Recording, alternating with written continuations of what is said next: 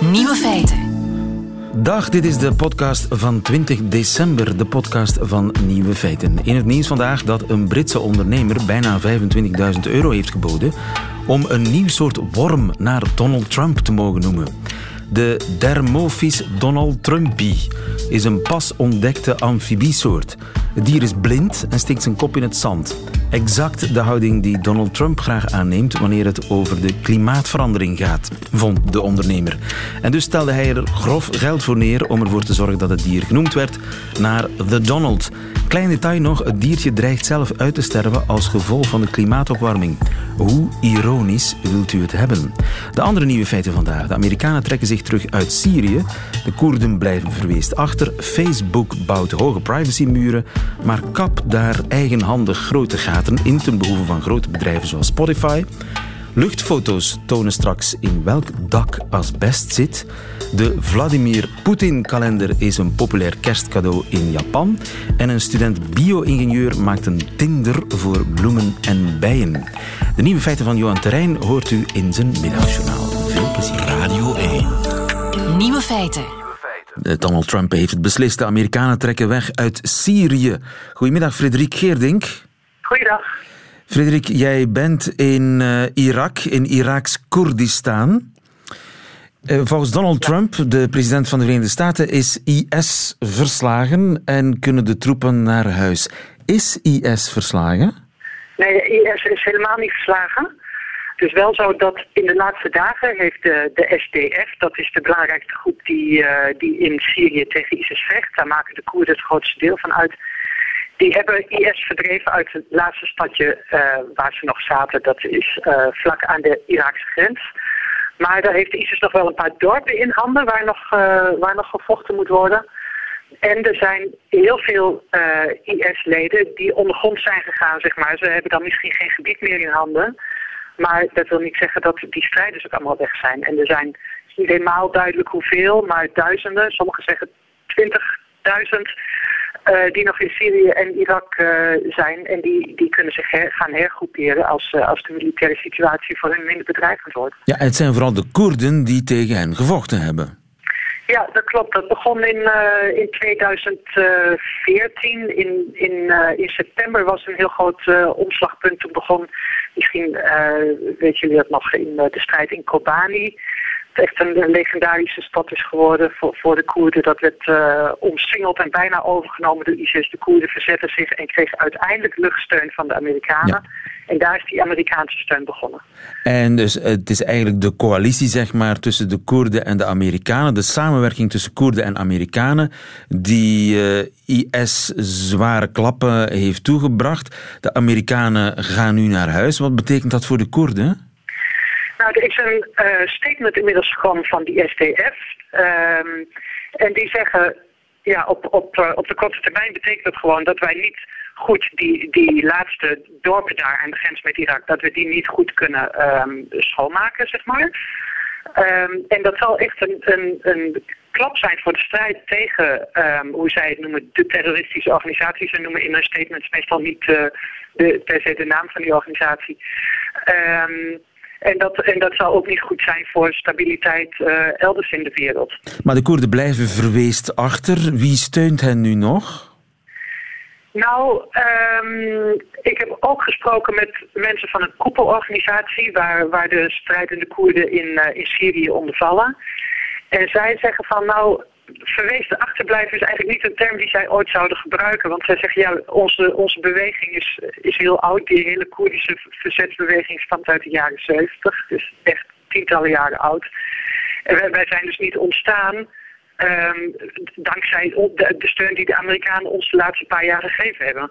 Ja, um, maar de en... Turken staan klaar om dat Koerdisch gebied door ja, door Koerden veroverd op uh, IS om dat weer in te nemen. Ja, dat klopt. Um, ze staan echt aan de grens. Er staat, veel mensen weten het niet, maar de hele grens tussen, uh, tussen Turkije en Syrië is een muur. Maar de Turken hebben dat natuurlijk zo slim gebouwd dat ze vanuit hun kant wel stukjes eruit kunnen halen tijdelijk. Dus dan kunnen ze uh, Koerdistan binnen. Um, het kan zijn dat, dat de Syrische president Assad zegt van wij willen dat niet. We willen niet dat Turkije zit al in het noordwesten van Syrië, in Afrin kan best zijn dat Assad zegt, we willen niet dat Turkije daar ook uh, land gaat bezetten. Dus wij nemen zelf de Koerdische regio over. Dus het is de vraag of Turkije komt van het noorden of Assad komt uit het zuiden om, om dan die Koerdische regio over te nemen. En dan hebben de Koerden militair eigenlijk niet zoveel in te brengen, want het zijn beide natuurlijk machten met een... Uh, uh, ja, met, met gevechtsvliegtuigen. En ja. ja hebben niet eens uh, raketten om die af te weren. Dus militair gezien zijn ze dan weg. Ja, dus eigenlijk, ja, ze hebben de hete kolen uit het vuur genomen. Ze hebben IS uh, zware klappen toegebracht en krijgen nu stank voor dank. Ja, ja dat klopt.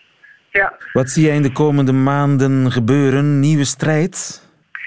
Nou, het, het lijkt erop dat, er, dat het maximaal iets van drie maanden gaat duren voordat, die, uh, voordat de Amerikaanse troepen ook echt weg zijn. En de, um, die overkoepelende Koerdische organisatie die zei ook tegen mij van nou we gaan niet heel, heel overhaast nu een statement maken. We gaan, we gaan kijken wat dit voor ons betekent. En ja, op militair gebied zullen ze zich altijd verzetten. Of, of nou Assad er aankomt of Turkije er aankomt, ze zullen zich verzetten tot het moment dat het voor, voor de bevolking um, een grote bedreiging wordt en de, de, bevolking echt een, slachtoffer gaat worden van een eventuele strijd.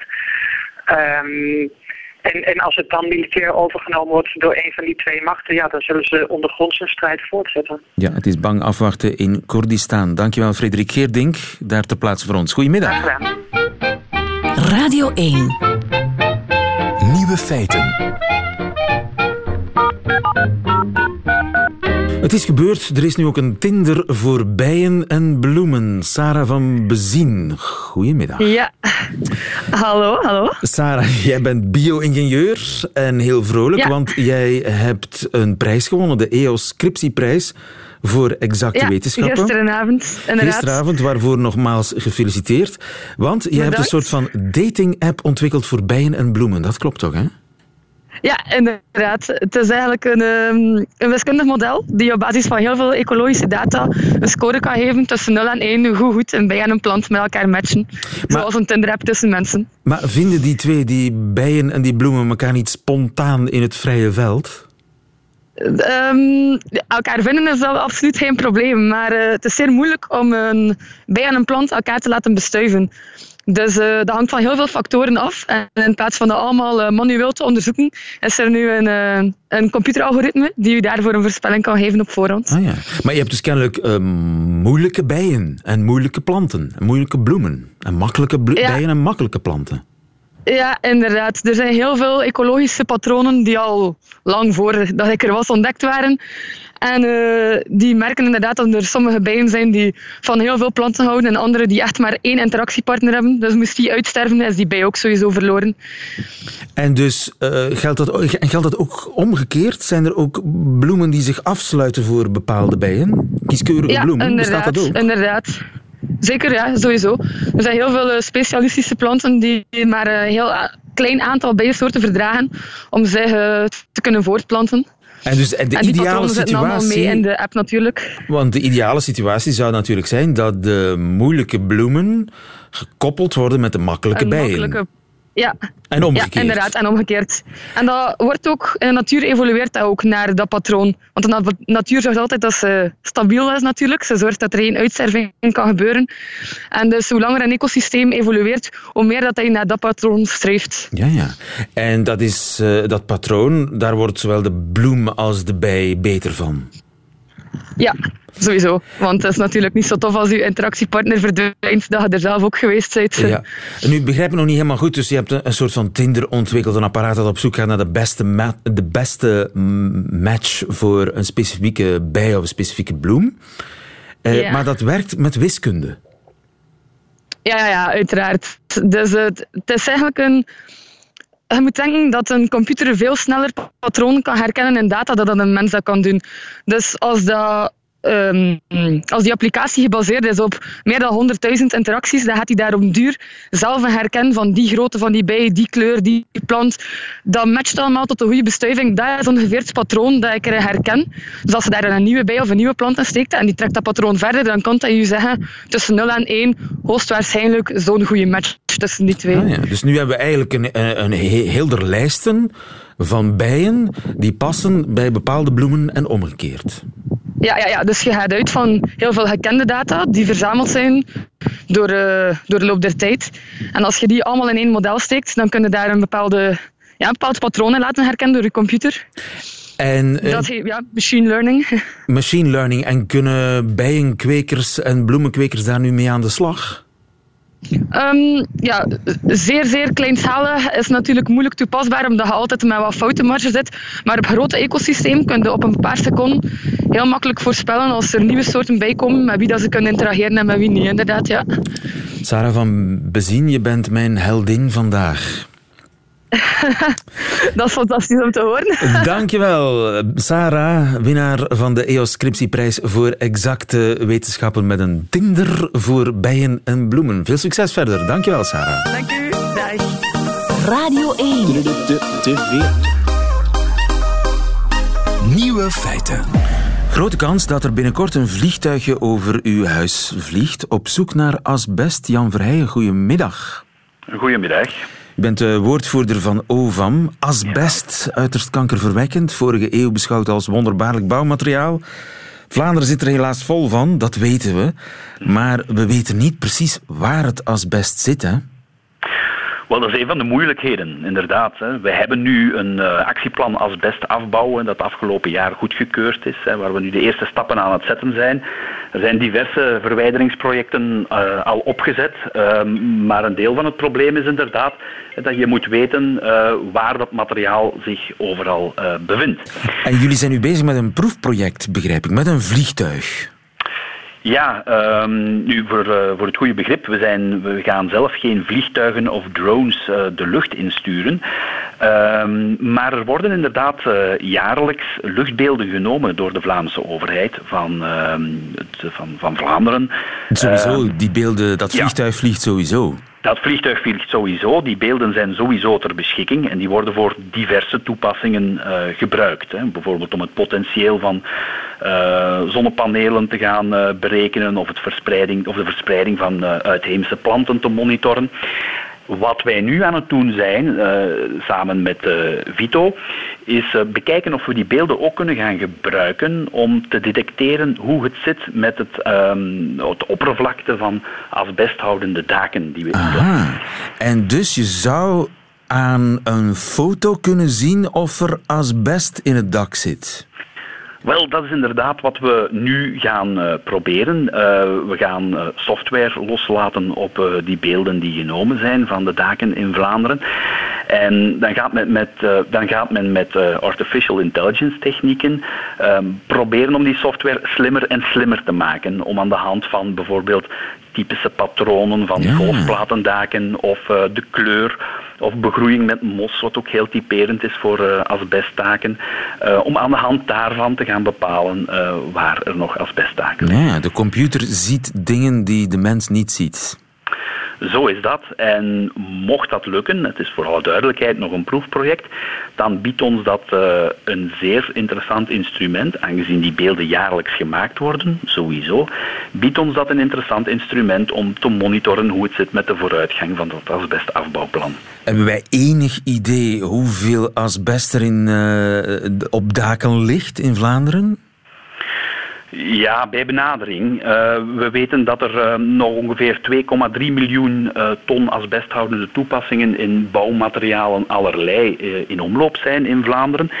Heel wat daarvan die, liggen op, op daken. denk bijvoorbeeld maar aan de golfplaten, maar ook asbestleien en zo verder.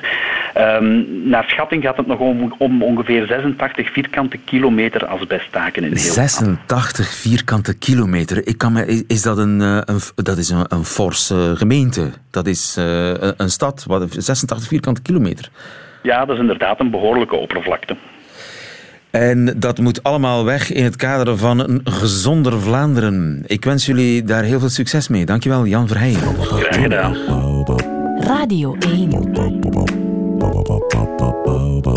Nieuwe feiten. Vladimir Poetin is een populair kerstcadeau in Japan. Manja goedemiddag. Goedemiddag. Je bent Japanoloog, hè? het gaat met name over kalenders met foto's van Poetin. Dat klopt, ja. Het is een uh, Japanse lifestyle winkel die uh, sinds uh, de afgelopen drie jaar die kalenders verkoopt.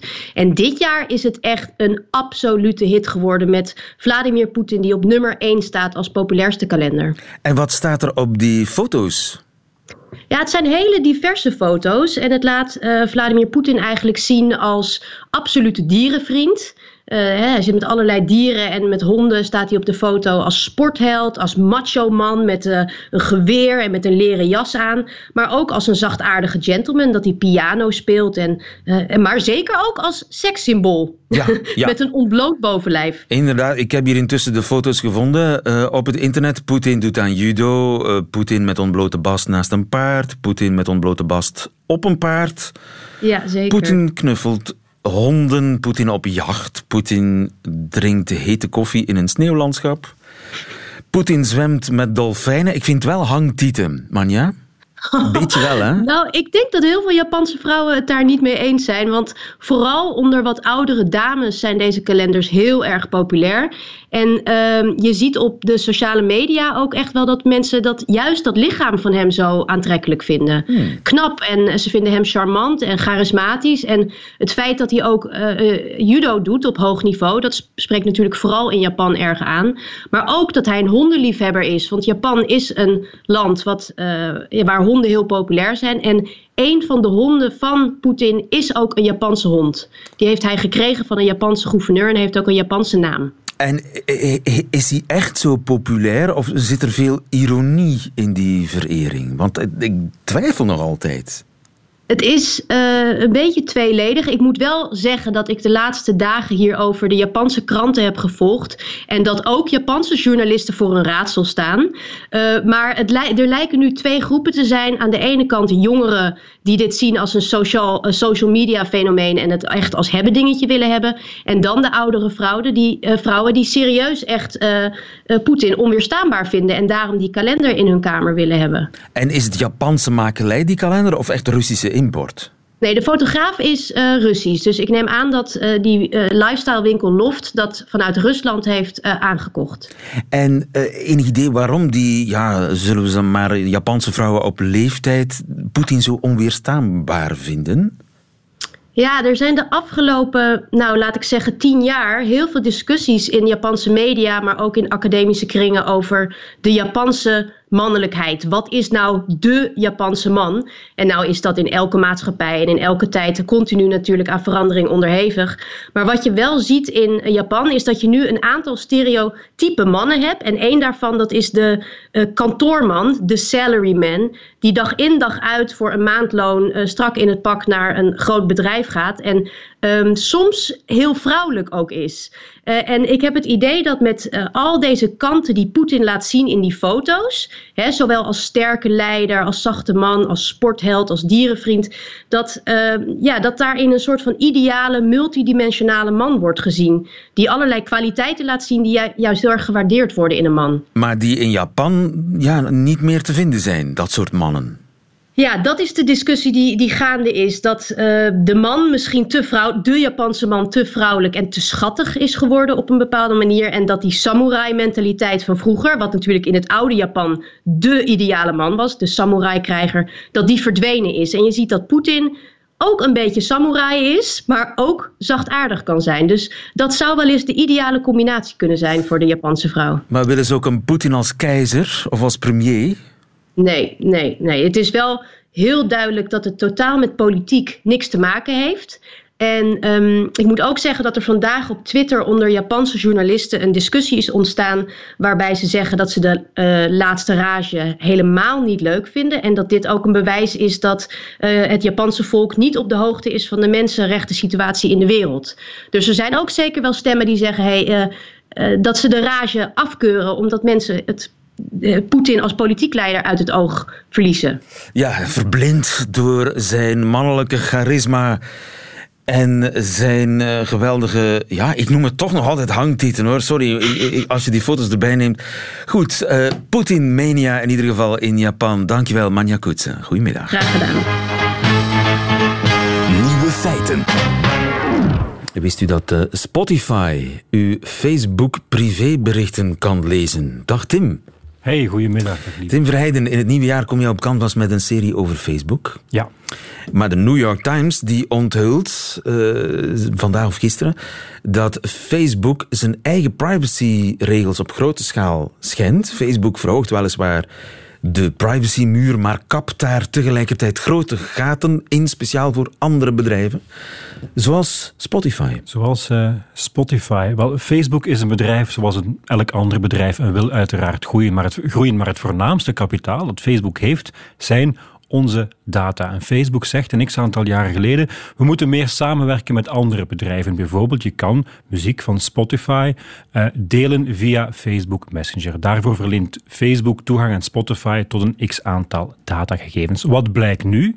Dat Spotify, maar ook Netflix, maar ook andere bedrijven heel veel toegang hebben gekregen, namelijk tot in de diepste privéberichten van gebruikers, uh, blijkt nu uit dat, uh, uit dat onderzoek. En het nieuwste is eigenlijk dat Facebook zo'n 150-tal bedrijven toegang heeft gegeven tot onder meer de privéberichten van gebruikers.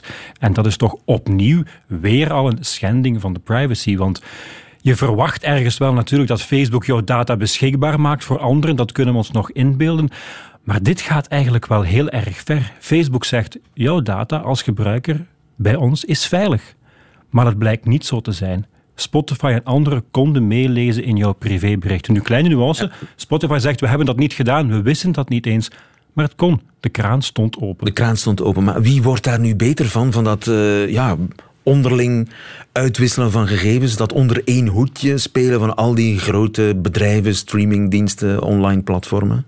Wel, uiteindelijk in die end Facebook. Want Facebook slaagt erin om al die data samen te leggen. Facebook weet heel goed wie wij zijn, waar wij voor staan en kan heel accuraat ons gedrag gaan voorspellen. En dat is natuurlijk heel, natuurlijk heel erg belangrijk voor het businessmodel van Facebook, namelijk het gedrag van gebruikers aanbieden aan adverteerders. En daar komt het namelijk op neer. Onze data dat is het businessmodel van Facebook. En hoe accurater Facebook de gebruikers kan in een vakje stoppen en dat aanbieden aan adverteerders, hoe meer adverteerders bereid zijn om daarvoor te betalen. Ja, en dus die privacymuren die zogezegd gebouwd staan, die zitten vol gaten. Die zitten eigenlijk vol gaten. En Facebook zegt nu al een dik anderhalf jaar. Uh, het is eigenlijk begonnen in 2016. Fake news, Donald Trump. Er is een probleem op ons platform. We gaan het fixen, heeft Max, Max Zuckerberg zelf gezegd. We zijn intussen eind 2018, zeker de laatste weken, de laatste maanden, is er werkelijk het ene schandaal na het andere. Ik aantal maanden geleden nog, ik moest zelf opnieuw inloggen in Facebook. Samen met mij 30 tot 40 miljoen andere gebruikers. Er was namelijk een data breach geweest. Um, er duiken e-mails op waaruit blijkt dat um, Facebook ten koste van de data, van de privacy van haar gebruikers, winst wil maken. Um, er zijn foto's, uh, intieme foto's van 7 miljoen Facebook-gebruikers niet goed beveiligd geweest. Duikt ook weer op. Het is werkelijk het ene schandaal na het andere. En Facebook krijgt dit niet rechtgetrokken. Facebook krijgt dit niet rechtgetrokken en wij krijgen dat niet gecontroleerd. Nee, wij krijgen dat niet De politiek krijgt dit niet gecontroleerd. Nee, Facebook blijft nog altijd een privébedrijf, een gigantisch privébedrijf. Hoeveel gebruikers? 2,3 miljard gebruikers alleen op Facebook. Om, om, om, nog maar te zwijgen over WhatsApp, om nog maar te zwijgen over Instagram. Dus een gigantisch bedrijf eh, waar inderdaad niemand echt greep op lijkt te krijgen. De overheid, uiteraard de Amerikaanse overheid denkt na, wat moeten we gaan doen met Facebook? Reguleren, opsplitsen. Maar niemand heeft op dit moment echt het antwoord. En, en dat, dat, zijn de Amerikanen, maar uh, ja. laat staan de Europeanen. Ja, wij hebben natuurlijk al een iets strengere Europese wetgeving, maar dan nog wat gaat er in 2019 met Facebook gebeuren? Een jaar geleden had ik gezegd, Facebook is too big to fail. We zijn een jaar verder, ik durf dat niet meer zeggen. Oh? Ja, ik durf dat niet meer zeggen. Um, Ze zijn kennelijk too big om, te om gecontroleerd te worden. Ja, maar als het ene schandaal na het andere schandaal gaat blijven opduiken, is de vraag, gaat Facebook dat overleven? Want op dit moment, wij als gebruikers, wij vertrouwen Facebook nog. Het is een app en het vat een beetje het internet samen voor we ons. We zijn verslaafd. We zijn verslaafd, we zijn verslaafd gemaakt. We worden op het platform gehouden. Het is ook een goed gemaakte app. Het is een verjaardagskalender, je volgt er allerlei events, je hier en daar... Je hele sociale leven wordt er geregeld. En dat is op dit moment nog de kracht. Maar anderzijds, als het vertrouwen van die gebruikers gaat dalen, dan zit Facebook met een probleem. En het is misschien ook het moment voor anderen om het eens te gaan proberen, een, een sociaal medium uit te bouwen dat echt sociaal is. Dat echt om haar gebruikers geeft, om de data en de privacy van haar gebruikers. Alleen daar heb je veel kapitaal voor nodig. En wat is in het verleden ook al gebleken? Als er zo spelers opduiken, dan koopt Facebook die vaak ook gewoon over. Maar het wordt wel een boeiend jaar op dat vlak. Boeiend jaar en boeiende serie op Canvas. Wanneer begint ze? 21 januari. 21 januari, Facebook en ik, hè? Ja. Dankjewel, Tim Verheijden. Goedemiddag. Nieuwe feiten. Middagjournaal. Beste luisteraar. Ik hou van positieve gedachten en ik ben er als coach ook absoluut van overtuigd dat het die gedachten zijn die ons als mens tot meer in staat stellen. Als je een doemdenker bent, is het leven één grote tempel van doem en verder gebeurt er niks. Klaar. Nee, ik hang liever aan een van de positieve vezels. Filmpjes met dieren op het internet behoren dan ook tot mijn favoriete tijdverdrijf. Het is vaak schattig en er zit altijd een vorm van hoop in. Zo zag ik onlangs een filmpje van twee bruine beren in het hooggebergte. Ze deden een wandelingetje. Ik denk om een frisse neus te halen, want veel voedsel leek me niet te vinden in de eeuwige sneeuw. Mama, de grote beer, liep voorop en pakte een nogal steile klim door de sneeuw. Haar berenjong volgde moedig, maar verloor zijn grip en gleed een paar meters naar beneden. Het beertje herpakte zich, maar hetzelfde deed zich opnieuw voor, en opnieuw, en opnieuw. Wanneer die kleine beer na een vijftal minuten kostbare internettijd eindelijk bijna boven was, stak de grote beer een poot naar hem uit in een nogal ongemakkelijke zwaai, waardoor de kleine beer nu echt een veertigtal meter naar beneden gleed. De moeizame tocht begon van vooraf aan. Ondertussen zag je de moeder boven over de bergkam kijken en zenuwachtig heen en weer draaien. Gek hoe zo'n bruine beer dan plotsklaps in een ijsbeer verandert als het op gedrag aankomt. Ik ga nu al het einde verklappen voor mensen die dit verhaal anders niet zo goed aankunnen. Het komt goed. De kleine geraakt boven en het wandelingetje kan worden verder gezet. Ik vind dit soort filmpjes leuk. Het toont waar het in het leven om draait. Soms moet je hard knokken en in het beste geval staat daar iemand op toe te kijken. Als je in de put zit, moet je er zelf uitklimmen, want niemand gaat mee in de put afdalen, zelfs je moeder niet. Maar als je doorzet, kom je er wel. Zoiets. Social media staan vol van dit soort filmpjes. Sinds kort zelfs het eerder professionele LinkedIn. Daar zag ik een social media experte uit Cyprus. Weet ik veel hoe dat mens op mijn tijdlijn terechtkomt, zij is daar expert in. Dit filmpje posten met bijhorend inspirationeel gekraai. Together is better. Struggling is easier when someone is there to encourage us. Nobody should face their problems alone. Nu nodig ik u echt uit om dat filmpje te bekijken. Het enige wat moeder en kleine beer samen doen, is gaan wandelen. Voor de rest is er niks samen aan en al zeker geen aanmoediging. Het is de moeder die om te beginnen een onverantwoord steile weg kiest. Het is de moeder die met een onhandige draai van haar poot de kleine echt meters terug naar beneden laat donderen. En het is diezelfde moeder die zenuwachtig staat te draaien tot de kleine weer boven is. Struggling is verdekken moeilijker als er iemand op uw vinger staat te kijken. Als je mensen wil inspireren op social media, forceer dan geen positieve gedachten waar ze niet zijn. Het enige positieve wat moeder de beer gedaan heeft, is die kleine de dieperik induwen. Zo leert hij zijn plan trekken. Zet dat daar dan bij. Maar verbrot mijn lievelingsfilmpjes niet met inspiratieloze inspiratiequotes.